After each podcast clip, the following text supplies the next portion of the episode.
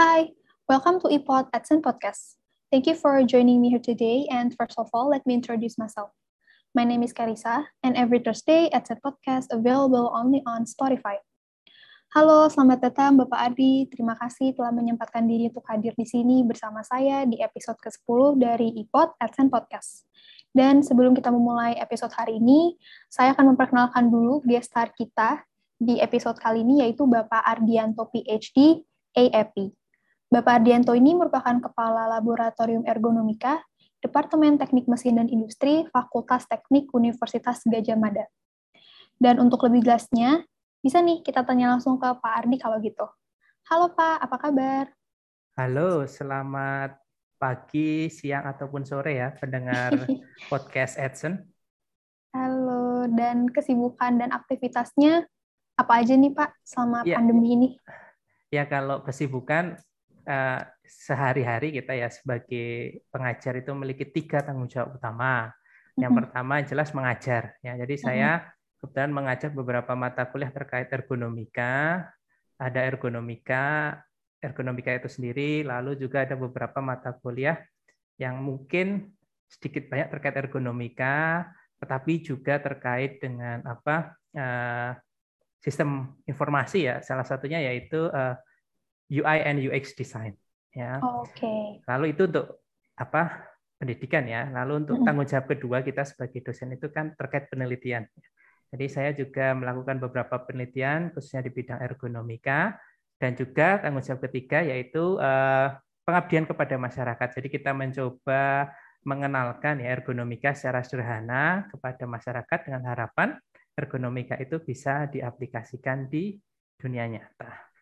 Oke, nah uh, tadi Bapak bilang Bapak sebagai uh, tenaga pengajar, kalau boleh sedikit sharing nih Pak, gimana Pak rasanya ngajar dari offline tiba-tiba harus jadi online shifting seperti itu, uh, ada perubahan nggak sih Pak dari cara Bapak mengajar pastinya lalu yang lain-lainnya? Nah ini sebenarnya uh, jujur ya Mbak, ini saya mm. tuh ngajar itu langsung online.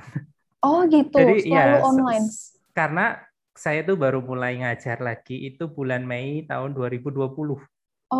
Okay. Ya, jadi saya tuh baru pulang dari studi saya di luar, lalu lanjut apa melanjutkan pekerjaan saya sebelumnya, ya kembali ke UGM dan pada waktu itu udah pandemi ya, jadi iya betul. Akhirnya ya udah.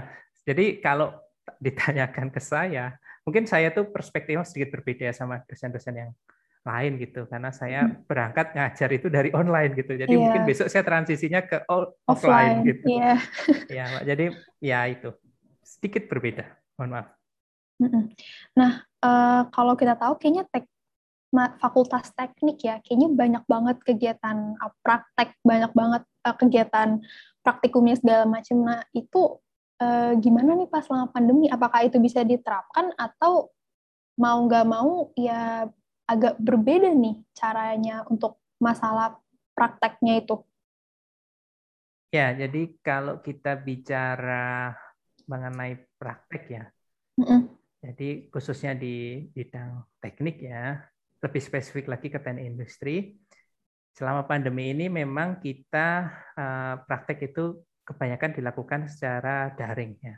Oke. Okay. Lalu apakah beda? Ya jelas beda, beda. Jadi mahasiswa itu pengalaman hands-on-nya itu sangat-sangat sedikit ya jika dibandingkan dengan kalau kita apa bertemu secara tatap muka. Jadi masih khususnya misalnya praktikum apa proses produksi ya. Jadi kalau di proses produksi itu kan mahasiswa bicara apa bagaimana mengoperasikan beberapa mesin-mesin produksi. Ada mesin bubut, mesin freeze, lalu ada kerja bangku dan sebagainya.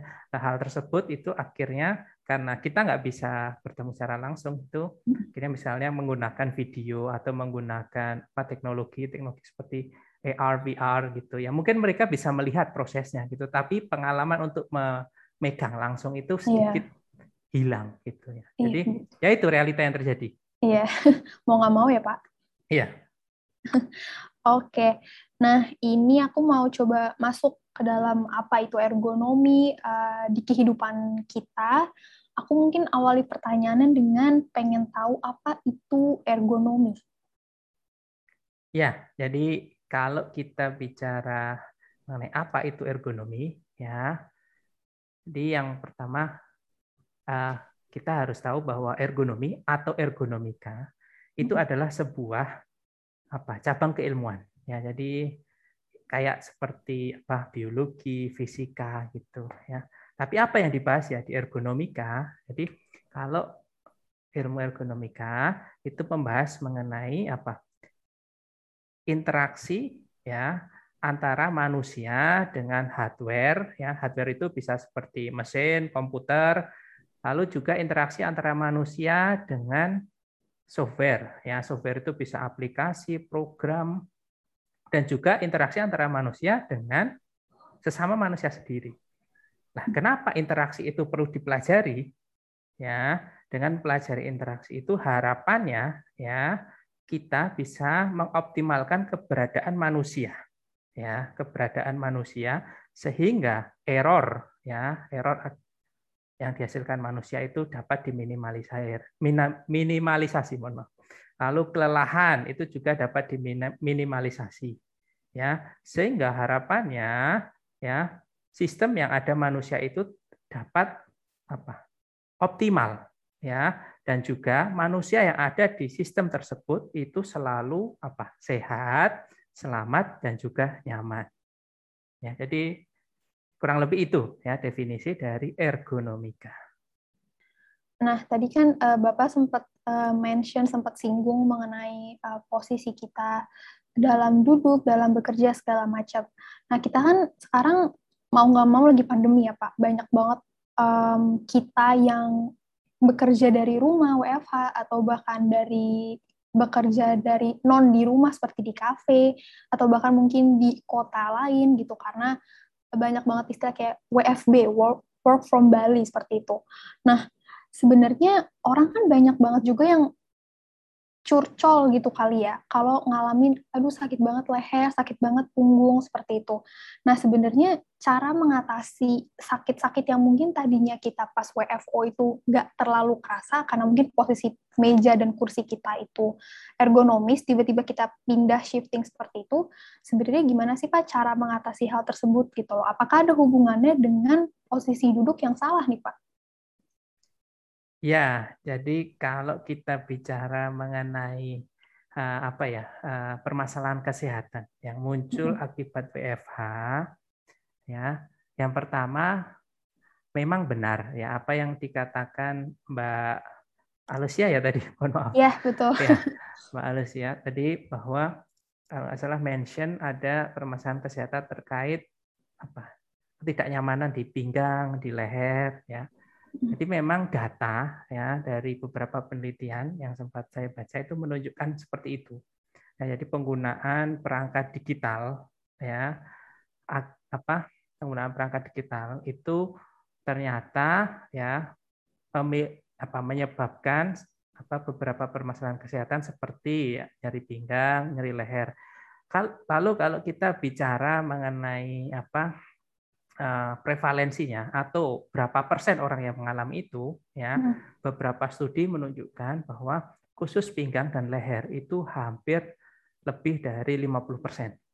Okay. Dengan kata lain ya kalau ada seribu orang yang kita survei ya hmm. itu hampir sekitar 500 orang ya bahkan di atas 500 itu akan menyatakan mereka mengalami permasalahan kesehatan di pinggang dan di leher akibat ya penggunaan perangkat digital seperti komputer tadi. Ya, itu satu. Nah, lalu bagaimana cara meminimalisasinya? Ya. Jadi kalau kita bicara cara meminimalisasinya itu multifaktor ya dalam arti duduk itu hanya salah satu aspek ya. Banyak aspek-aspek yang lain ya. Jadi kalau saya mention aspek-aspek tersebut yang pertama tadi ya terkait postur ya. Jadi postur kita duduk ya postur kita melihat komputer ya. Lalu tidak kalah penting apa? Pengaturan apa? Furniture ya yang kita gunakan. Jadi kalau kita bekerja menggunakan perangkat digital itu kita biasanya duduk ya. Duduk lesehan atau duduk di kursi. Atau kalau kita duduk di kursi kita pasti akan menaruh perangkat digital kita di meja ya. Iya. lalu perangkat digitalnya sendiri ya. Jadi pengaturan perangkat digitalnya, peletakannya, peletakan monitornya, peletakan keyboard dan mouse itu juga menentukan. Ya. Lalu tidak kalah penting dan sering dilupakan itu terkait dengan break ya atau relaksasi yang kita lakukan ketika menggunakan perangkat komputer. Ya itu juga menentukan. Nah, kalau kita nggak pernah apa uh, break ya tentunya kemungkinan kita untuk mengalami apa tadi permasalahan kesehatan itu juga dapat meningkat. Lalu satu faktor lagi yang juga dapat berpengaruh yaitu lingkungan kerja. Lingkungan hmm. kerja di sini berarti apa? Faktor-faktor lingkungan seperti pencahayaan, lalu suhu dan kelembapan yang juga dapat berpengaruh terhadap apa? munculnya permasalahan kesehatan tadi. Ya, kurang lebih itu. Ya. Oke, Pak. Uh, aku jadi tadi ada pertanyaan tiba-tiba muncul kita kayaknya ngelihat selama WFH ini kayaknya banyak banget orang yang kerjanya itu laptopnya di pangku gitu Pak, di yeah. paha kita. Jadi kita kayak agak nunduk seperti itu. Hmm. Nah sebenarnya itu disarankan atau itu benar-benar malah sangat-sangat memicu adanya sakit leher di tengkuk, sakit pinggang, begitu Pak? Ya, jadi kalau kita bicara penggunaan laptop, ya mm -hmm. kita harus tahu. Ya, yang pertama laptop itu tidak didesain untuk digunakan dalam waktu yang lama. Oke. Okay. Ya. Jadi laptop itu di sorry didesain untuk digunakan ketika kita misalnya dalam apa uh, perjalanan ya atau dalam uh, apa ya waktu-waktu yang mungkin akan susah gitu kalau kita harus bawa desktop dan lain sebagainya. Intinya untuk mobility lah apa untuk mm -hmm kita kita harus berpindah gitu. Jadi kalau kita bicara mengenai penggunaan laptop dalam waktu yang lama ya, tentunya kalau laptop itu apa esitis ya, jadi laptopnya masih sama, lalu apalagi kita letakkan di paha ya, ya iya. tentunya yang pertama posisi layar itu akan terlalu rendah.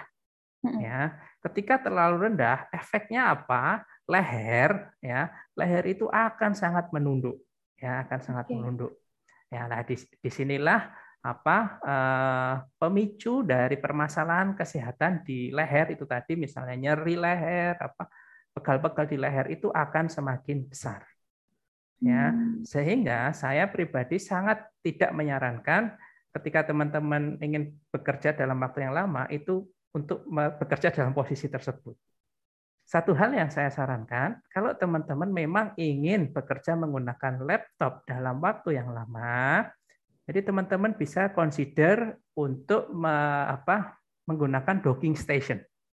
Ya. Okay. Docking hmm. station di sini berarti kita akan menambah beberapa perangkat, ya, sehingga laptop itu dapat apa ya lebih uh, menyerupai desktop jadi misalnya hmm. ya laptop itu kita tinggikan ya. Jadi kita taruh buku di bawah laptop. Ya, yang pertama jadinya apa? Laptopnya agak tinggi kan? Kalau dia hmm. agak tinggi, leher kita tidak perlu menunduk ya. Oke, itu satu. Nah, tetapi permasalahannya ketika laptop itu kita tinggikan, kan kita agak susah ngetiknya ya. Lah, hmm. maka kita perlu menambahkan keyboard dan mouse eksternal. Ya. Okay. Nah, dalam posisi seperti itu ya, maka laptop itu boleh dikatakan tidak ya terlalu beresiko ya.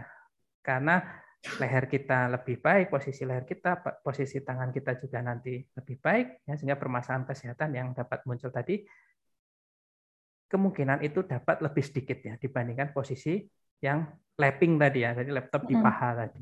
Ya. Oke, nah mungkin juga aku eh, karena dimention kayak tadi, aku juga mungkin uh, mau nanya juga sih Pak, karena kan aku sebelum akhirnya sekarang kerja uh, di akhir kuliahku itu uh, pandemi, jadinya aku ngalamin juga uh, sebagai mahasiswi itu ngerasain sakit pinggang dan sakit leher. Nah berarti bisa dikatakan kalau sebenarnya posisi kita mengeluhkan sakit pinggang dan sakit leher ini tuh nggak selalu melulu karyawan dan karyawati ya Pak. Maksudnya anak sekolah juga pasti ngalamin hal seperti itu, anak sekolah, anak kuliahan juga ngalamin hal yang sama seperti itu. Ya, betul sekali, Mbak. Jadi permasalahan kesehatan tadi ya, nyeri pinggang, leher itu tidak hanya terjadi di pekerja. Ya. Hanya saja pekerja mengalami apa uh, prevalensi yang lebih tinggi ya. Jadi jumlah nyeri pinggang, leher akibat penggunaan komputer itu di kalangan pekerja itu lebih tinggi kalau kita bandingkan dengan anak-anak hmm, muda. Oh. Ya, hmm. tapi di situ tidak menutup kemungkinan bahwa anak muda juga bisa mengalami uh, permasalahan kesehatan tadi ya. Kenapa pekerja itu lebih banyak ya? Karena ada dua faktor. Ya, faktor pertama terkait dengan apa? Durasi. Ya, durasi okay. dia bekerja menggunakan komputer. Ya. Jadi kalau anak sekolah ya misalnya dia usianya 17 eh, tahun ya, ya mungkin dia baru sejak SMP gitu sampai usia 17 tahun ya kurang lebih mungkin baru lima tahunan menggunakan komputer gitu. Tapi kalau hmm. bekerja Ya, bisa jadi dia sejak SMP sampai sekarang dia usia 32, dia pakai komputer terus ya. Yeah. Durasi dia pakai komputer itu lebih lama ya. Sehingga mm-hmm. kemungkinan dia untuk mengalami permasalahan kesehatan tadi ya jelas bisa ber, beberapa kali lipat ya dibandingkan yeah. anak muda. Lalu yang kedua terkait dengan apa performa fisik ya performa fisik ya. Jadi kalau anak muda ya dibandingkan orang tua ya maksud saya pekerja ya mm-hmm. itu memiliki performa fisik yang lebih baik ya karena belum ada penurunan tadi jadi kalau kita semakin tua itu salah satunya muscle strength ya kekuatan otot kita itu iya, berkurang yeah. jadinya kalau misalnya anak muda itu duduk 8 jam itu nggak masalah nah kalau kita semakin tua nantinya kita akan baru duduk mungkin 6 jam itu udah kerasa pinggangnya kaku gitu yeah, ya. Yeah. Nanti ya semakin tua semakin tua akan kita akan semakin apa ya, semakin sensitif gitu. Mm -hmm. Ya. Nah, tetapi walaupun dua faktor itu kita perlu tahu bahwa semakin ke sini ya penggunaan perangkat digital ini sepertinya semakin apa ya orang tuh mengenal akan semakin mudah gitu dalam arti begini kalau zaman dulu orang tuh kenal komputer baru SMP ya saya tuh baru SMP yeah. gitu tapi kalau generasi sekarang mungkin sejak SD kelas 1 udah pakai iya. komputer yeah. nah bisa jadi mereka nanti apa prevalensinya nanti di generasi yang semakin muda ini itu semakin walaupun usianya masih ini tapi bisa jadi tinggi ya karena hmm. mereka mengenal gadget sejak dini baratnya gitu yeah. ya iya. jadi ergonomi ini ke depannya memang tidak harus mohon tidak hanya diperkenalkan ke apa para pekerja tapi juga nantinya diperkenalkan ke anak-anak muda juga sih harusnya.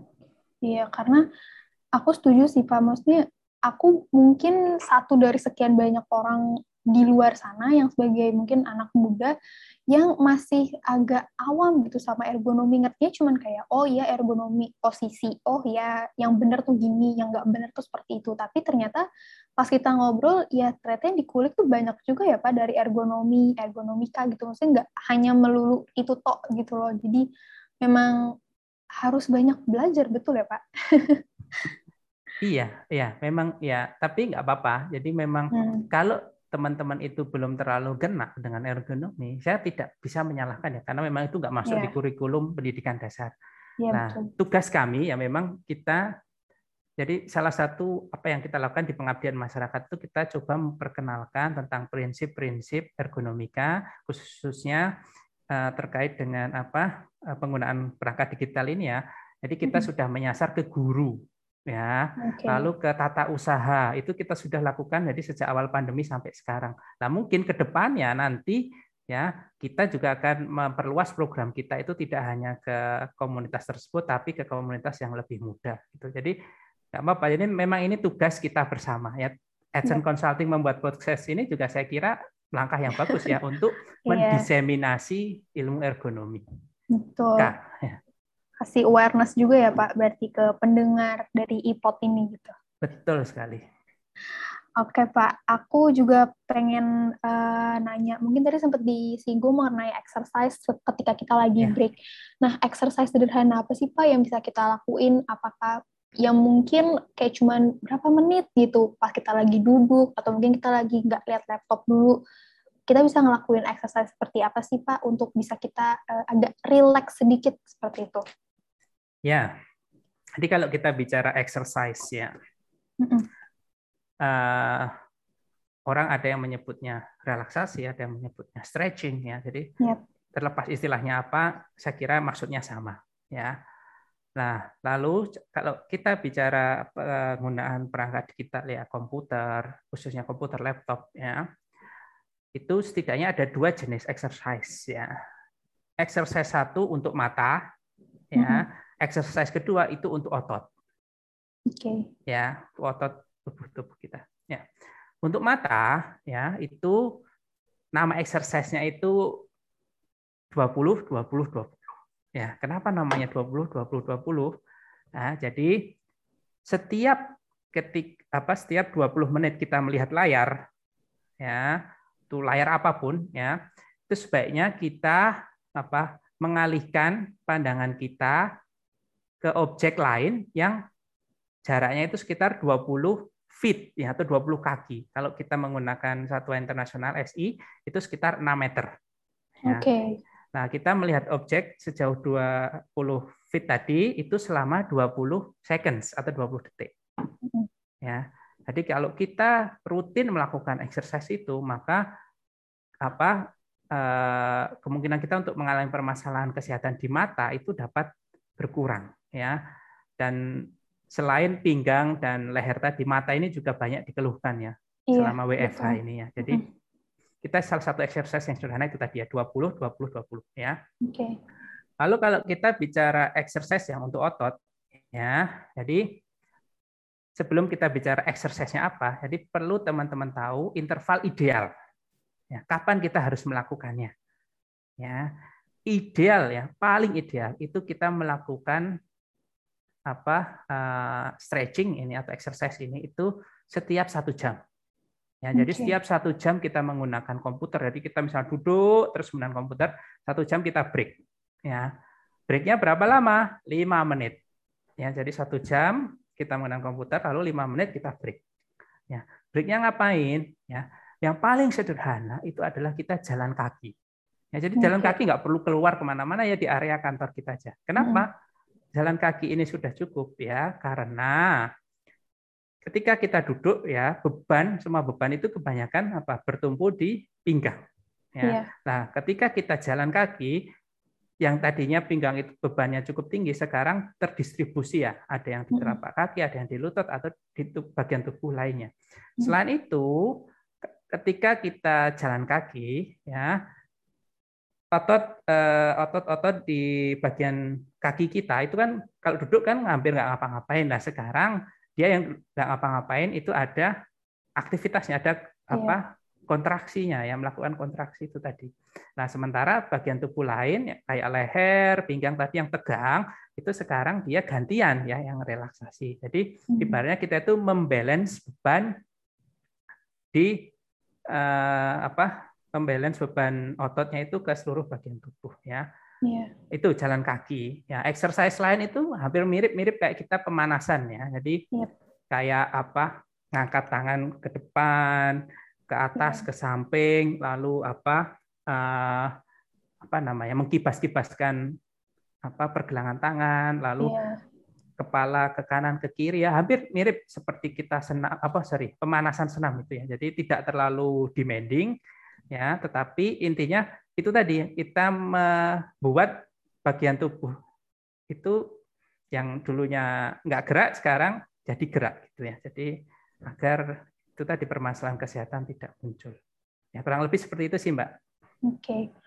Ya, aku setuju sih Pak, karena uh, aku juga udah mulai menerapkan itu kayaknya semenjak udah kerja, jadi kayak merasa karena kita cepet capek ya mata itu udah hmm. pasti di ruangan ber-AC, mata natap layar, jadi ngerasa mata sering pegel, sering kayak kayak apa ya gitu kayak nggak enak gitu kan matanya segala macam terus juga eh, lagi-lagi leher tengkuk itu jadi mulai exercise kecil-kecilan yeah. seperti saran dari bapak kayak gitu. Nah, iya mbak ini saya nambahin sedikit. Jadi ada beberapa perusahaan di Indonesia ya. Jadi yeah. dia itu kalau karyawannya itu misalnya bekerja 20 menit komputernya itu kan freeze ya. Oh. Jadi itu memang udah program udah disetting apa gitu ya, kesehatan ya, dan keselamatan dari perusahaannya tersebut gitu. Jadi hmm. dia akan di freeze selama misalnya 20 detik. Lah nanti untuk yang yang otot gitu nanti setelah satu jam komputernya di freeze gitu. Kalau dia oh, gitu. misalnya melanggar gitu nanti ke record. Jadi misalnya ini kan freeze, kita tetap bisa misalnya kita close gitu, tapi ada catatannya gitu, oh. ada lognya gitu ya. Waduh, keren juga ya Pak. Iya, ya. Lalu kalau kita pengen melakukan hal itu sendiri itu ada beberapa apa kayak programnya gitu. Jadi teman-teman ya, tinggal ya. search di App Store apa Play Store gitu. Itu ada kok break hmm. reminder hmm. atau apa gitu ada. Oh iya iya pernah dengar. Iya. Menarik juga ya Pak. Maksudnya artinya tuh ngerimain kita untuk take a break sebentar aja gitu. Karena kita sering ya. lupa. Saya ya. sendiri saya akui pun Setuju. saya sering lupa karena terlalu asik atau terlalu iya. susah ya. kerjaannya gitu jadi oh ya lupa gitu. Iya benar, setuju setuju. Nah eh, bahas soal exercise tadi, mungkin kayaknya kalau kita lihat di banyak perusahaan-perusahaan sekarang perusahaan-perusahaan baru yang banyak uh, mungkin uh, karyawannya itu mungkin anak-anak muda, kantor-kantor yang cukup milenial, itu mereka banyak menerapkan standing desk. Jadi bahkan meeting pun bisa sambil uh, berdiri seperti itu, laptopnya aja ditaruh di meja. Nah itu sebenarnya apa ya mungkin baik nggak sih Pak? Maksudnya cukup baik nggak sih penerapan seperti itu? Karena kan lagi-lagi seperti yang Bapak sudah sampaikan tadi, ternyata bisa ngebantu kita juga nih gitu otot-otot kita bisa jadi lebih rileks, kita juga bisa jadi exercise juga seperti itu. Ya, jadi standing desk ya. Ini menarik. Ini menarik ya. Yang pertama beberapa dari kita itu belum tahu ya apa sih yang bisa dilakukan dari standing desk. Yeah. Ya, jadi standing desk itu adalah meja ya, ya meja dengan fitur apa pengatur ketinggian. Ya, jadi mejanya itu bisa kita buat lebih tinggi dari eh, meja-meja pada umumnya. Nah, bagaimana dia lebih tinggi itu ada mekanisme mekanis ataupun elektriknya. Jadi ada yang pakai kayak ankle gitu ya, kayak sepeda gitu ya. Iya. Uh. ada yang dia tinggal pencet gitu, pencet langsung nging ke atas gitu. Nah, ketika dia ditinggikan, maka seseorang itu dapat bekerja tidak hanya duduk tetapi juga dengan berdiri. Ya, dengan berdiri. Nah, apakah dengan berdiri itu akan memberikan benefit? Ya. Hmm. Jadi kita ketahui ya, permasalahan pertama ketika apa? bekerja di di tempat kerja yang konvensional dalam arti mejanya itu nggak bisa diatur ketinggiannya adalah yeah. kita akan bekerja dalam waktu yang lama dengan cara apa? Duduk. Ya. Dan duduk dalam waktu yang lama itu apa dapat memicu kita untuk uh, apa membentuk suatu perilaku yang dinamakan apa sedentary behavior. Hmm. Ya, sedentary behavior ini secara lebih sederhana itu uh, mager kalau oh, pakai yeah. bahasanya kekinian, kekinian gitu. Udahlah duduk enak gitu, ngapain gitu kita harus apa berdiri atau exercise gitu ya. Yeah. Nah, sebagainya. Padahal sedentary behavior itu sangat-sangat berbahaya. Ya, kenapa berbahaya? Jadi karena kita mager ya, kita nggak ngapa-ngapain, cuma duduk, yang gerak itu cuma tangan ya, mencet keyboard atau gerakin mouse gitu ya. Akhirnya permasalahan kesehatan seperti obesity ya, itu dapat muncul. Ya. Lalu resiko mengalami penyakit jantung, resiko mengalami penyakit diabetes dan juga resiko tadi ergonomi tadi ya nyeri di leher, nyeri di pinggang itu juga dapat meningkat ya probabilitasnya. Nah, adanya standing desk tadi itu kan akhirnya memaksa kita untuk berdiri ya. Ya. Jadi kita itu tidak hanya apa bekerja dengan duduk tapi kita bisa bekerja dengan cara berdiri lalu kalau kita nanti capek kita bisa duduk lagi ya sehingga variability dari postur kita itu menjadi lebih banyak ya, sehingga sedentary behavior tadi dapat berkurang secara signifikan. Dan beberapa studi memang menunjukkan hal seperti itu. Ya, oleh karena itu kita bisa menyimpulkan bahwa standing desk itu in some way itu bagus ya untuk kita. Hanya saja satu permasalahan standing desk di Indonesia itu masih mahal. Ya, jadi oh, yeah. untuk mengadopsi itu memang kalau waktu saya dulu studi S3 di Amerika tuh hampir semua apa kayak pegawai ya tata usaha yang di kampus saya itu udah pakai standing desk itu udah kayak oh. lumrah gitu ya. Nah, kalau yeah, di iya, Indonesia yeah, masih mahal. Jadi apa institusi itu mau ngadopsi itu mikir-mikir juga gitu. Iya sih benar-benar. Selain tadi ya benefit dari segi apa kesehatan ya, mm. ada juga uh, benefit terkait produktivitas. Jadi saya mencoba apa mengutip dari penelitian yang dilakukan peneliti di kampus uh, Texas A&M University ya di Amerika Serikat di mana mereka menunjukkan bahwa pegawai yang menggunakan standing desk itu produktivitinya meningkat 20 sampai 50 persen. Ya, jadi selain wow. benefit kesehatan, jadi ada benefit produktivitas juga. Ya, jadi hmm. saya kira ya that's good ya apa yeah. kalau kita hmm. bisa hmm. mengadopsi ini. Cuma itu tadi challenge ya, yeah. mahal. Betul. Sementara ini masih mahal, tapi saya yakin ke depannya akan semakin murah. Ya, yeah. apalagi kalau bisa diproduksi di dalam negeri. Setuju, karena uh, di kantor ini juga ada nih Pak standing desk. Terus saya pernah coba gitu kan. Terus kayak oh ya enak juga gitu. Maksudnya bisa lebih apa ya sambil berdiri kayak gerakin kaki itu kan juga exercise kan Pak. Kadang yeah, pegel yeah, kakinya gitu. Yeah. Tumit itu apalagi suka pegel. Yeah. Jadi dengan ada standing desk oh ya enak juga ya gitu. Cuman ya benar kata Bapak uh, belum banyak jadinya lagi-lagi kita balik ke konvensional dengan meja yang udah pakem udah built-in seperti itu dengan kursi gitu. Ya tadi sih kita exercise dalam hmm. arti satu jam kita ganti postur, yaitu saya kira benefitnya hampir sama dengan standing yeah. desk gitu. Kalau kita belum bisa mengadopsi standing desk, ya. Oke, okay. nah uh, mungkin aku juga pengen uh, nanya karena kita banyak masih banyak kayaknya kantor-kantor uh, yang masih WFH full, ada juga yang lagi transisi WFH dan WFO setengah-setengah. Mungkin aku pengen saran dari Bapak nih, kira-kira hal yang untuk uh, diperhatikan nih untuk kita WFH yang perlu kita set up di rumah agar tetap nyaman, kondusif, yang tadi Bapak sebut di awal, pencahayaan juga, termasuk sirkulasi juga. Nah, itu ada saran nggak nih Pak, gimana caranya kita untuk uh, set up posisi kerja kita selama WFH?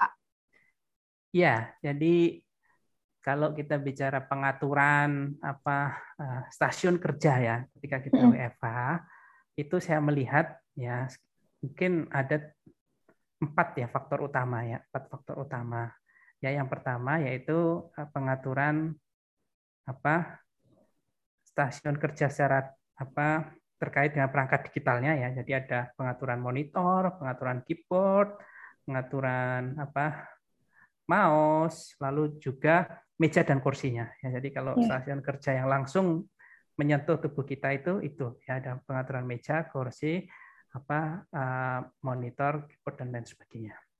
Lalu tidak kalah penting adalah terkait faktor lingkungan. Ya, jadi kalau faktor lingkungan tadi ada suhu dan kelembapan dan pencahayaan. Hmm. Ya.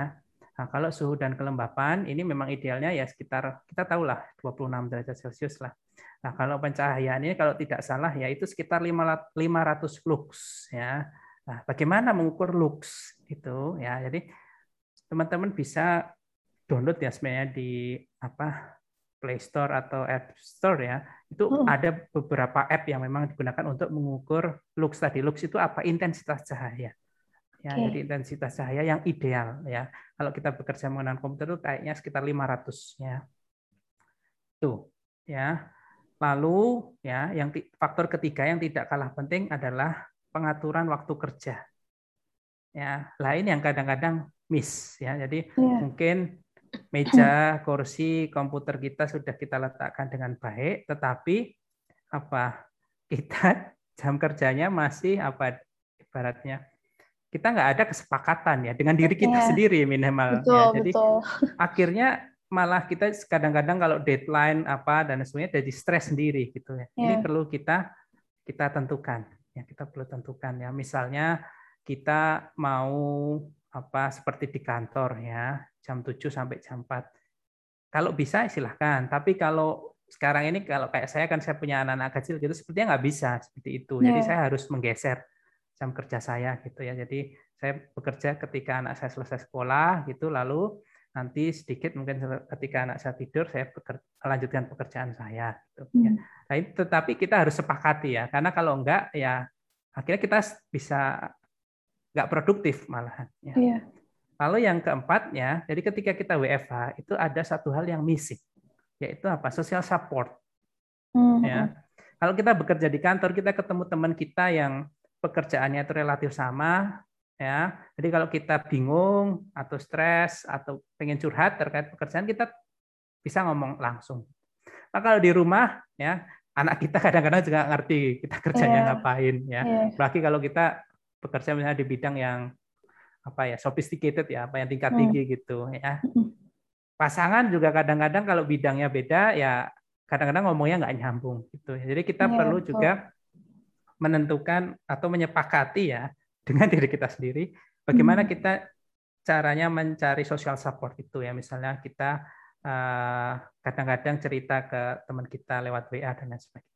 Ya, itu ya kurang lebih empat faktor yang eh, penting ketika kita bicara mengenai pengaturan apa cara kerja kita di rumah.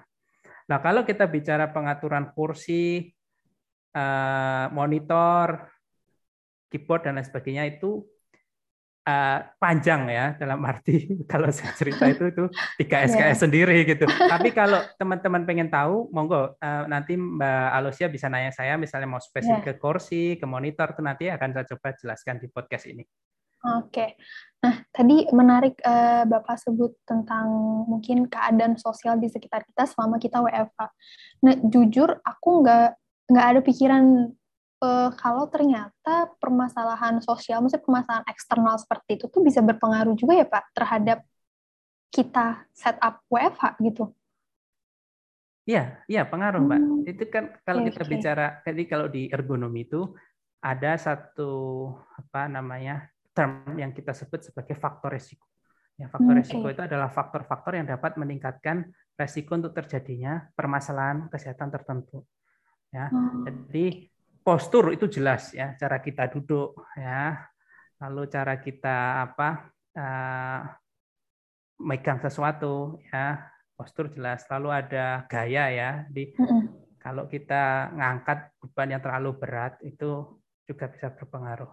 Lalu ada apa faktor lingkungan ya, ada pencahayaan, suhu kelembapan, lalu ada noise, apa kebisingan, lalu ada getaran ya, lalu juga ada eh, apa namanya penjadwalan ya, penjadwalan. Dan yang terakhir terkait faktor organisasi. Nah, faktor organisasi ini salah satunya adalah social support tadi Mm-mm. ya social support kalau misalnya kita bicara di pabrik ya ini secara ilustrasi gini misalnya ada satu pekerjaan yang didesain ya untuk dua orang ya lalu kita punya satu partner kerja yang dia itu misalnya eh, ogah-ogahan atau apa Ya. Nah, akhirnya semua pekerjaan itu kan harus kita tangani ya. Maka kemungkinan kita untuk mengalami penyakit itu malah menjadi meningkat ya.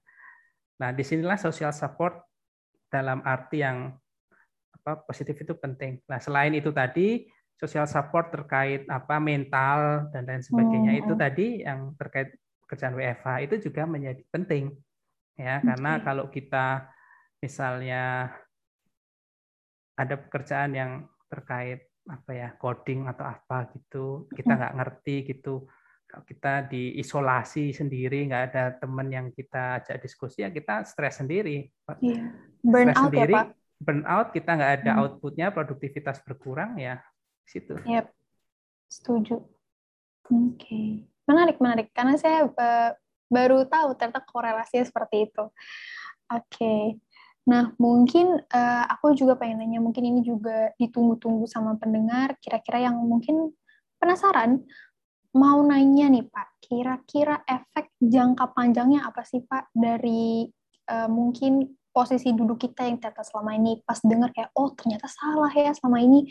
Nah efek jangka panjangnya apa sih Pak kalau boleh tahu gitu loh Eh, baik kita ini karyawan atau karyawati maupun mungkin anak sekolahan juga dengan terlalu banyak duduk mungkin atau terlalu baik terlalu lama menatap eh, layar monitor kira-kira efek jangka panjangnya apa ya Pak?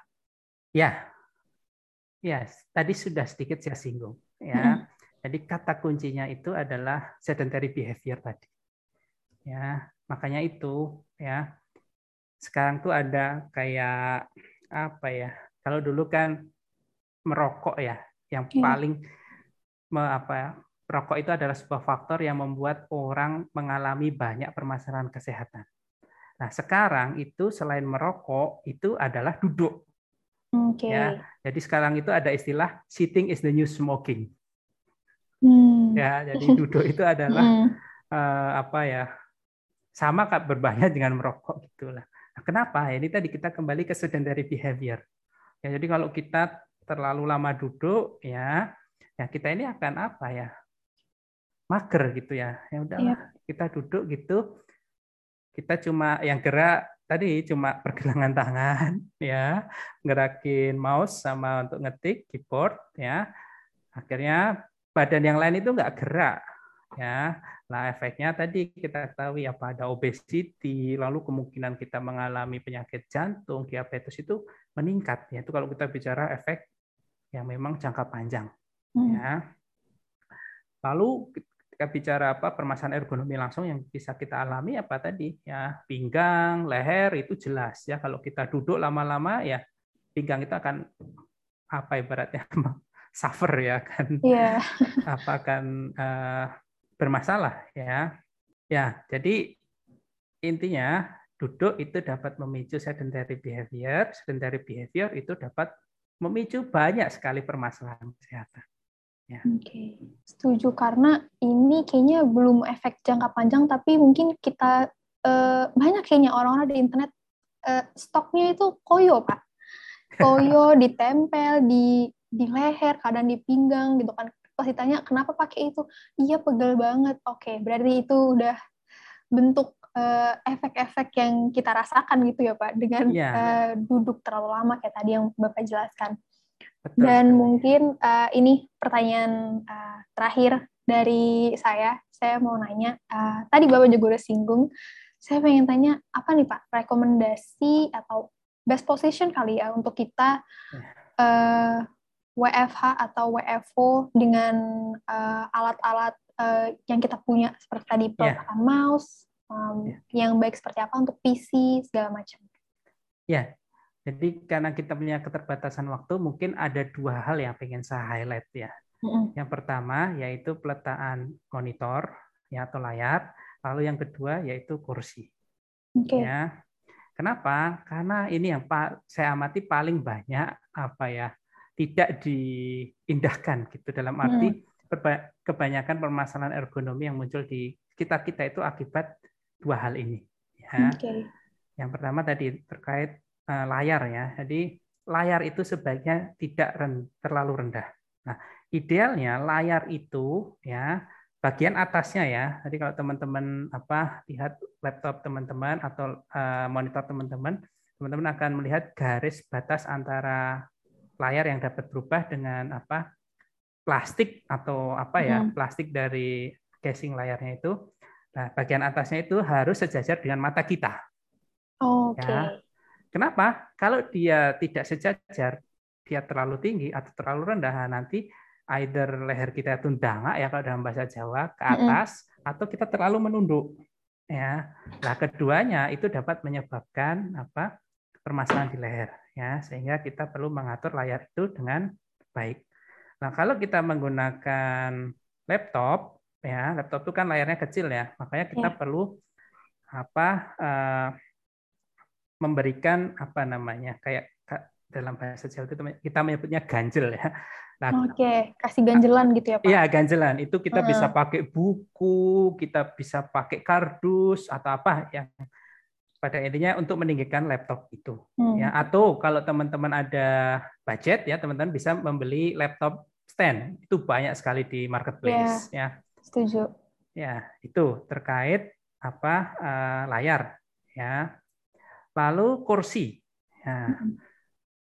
kursi yang ideal itu adalah kursi yang dapat diatur ketinggiannya ya selain itu kursi ini kenapa sangat penting karena kebanyakan waktu kita itu akan habis ya di kursi itu ya kalau kita bicara yeah. ketika kita bekerja dengan komputer maka kursi itu seideal mungkin ya itu harus apa uh, kita atur ya agar itu secara ergonomis memang pas untuk kita jadi kalau kita bicara investasi selain apa laptop ya kalau saya sarankan kalau pengen membangun stasiun kerja yang baik di rumah itu adalah invest ke kursi Setuju Pak, setuju. Ya, jadi kursi agak mahal dikit, nggak apa-apa, ya, tapi benar. kita kerjanya ergonomis Nyaman. gitu ya. ya.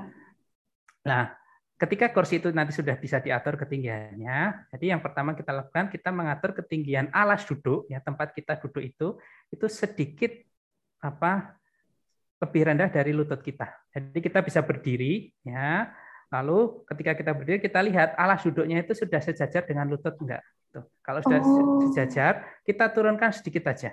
Ya, kita turunkan sedikit, sedikit aja. Nah, kenapa dia harus sejajar dengan lutut? Sejajar di bawah lutut, ya, mohon maaf. Itu agar ketika kita duduk, kaki kita itu bisa menopang sempurna di lantai. Ya, okay. menopang sempurna di lantai. Nah, ketika menopang sempurna, maka apa? Ya salah satunya betis itu kan tidak terlalu terbebani.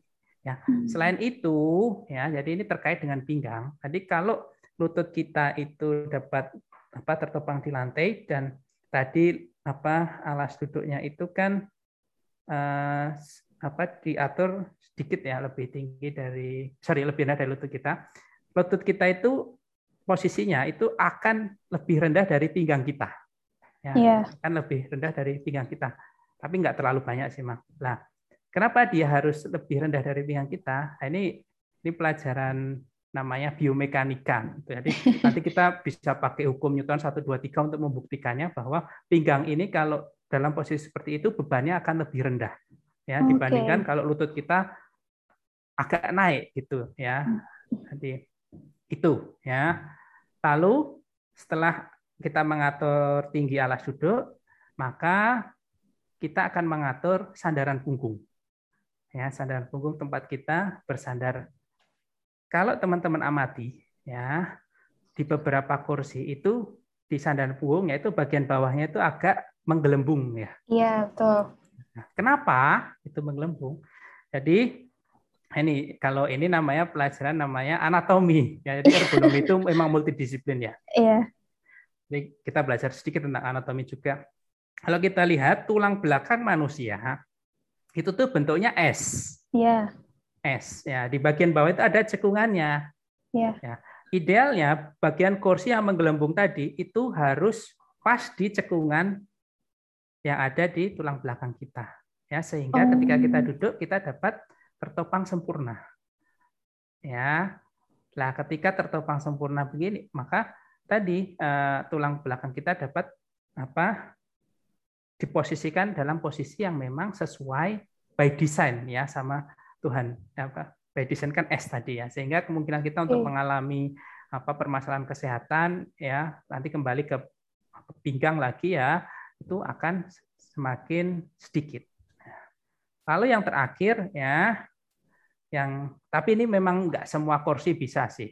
Jadi ada beberapa kursi itu yang alas duduknya itu bisa diatur maju mundur. Jadi nggak hanya ke atas ke bawah, tapi ke depan oh, dan ke belakang. Yeah.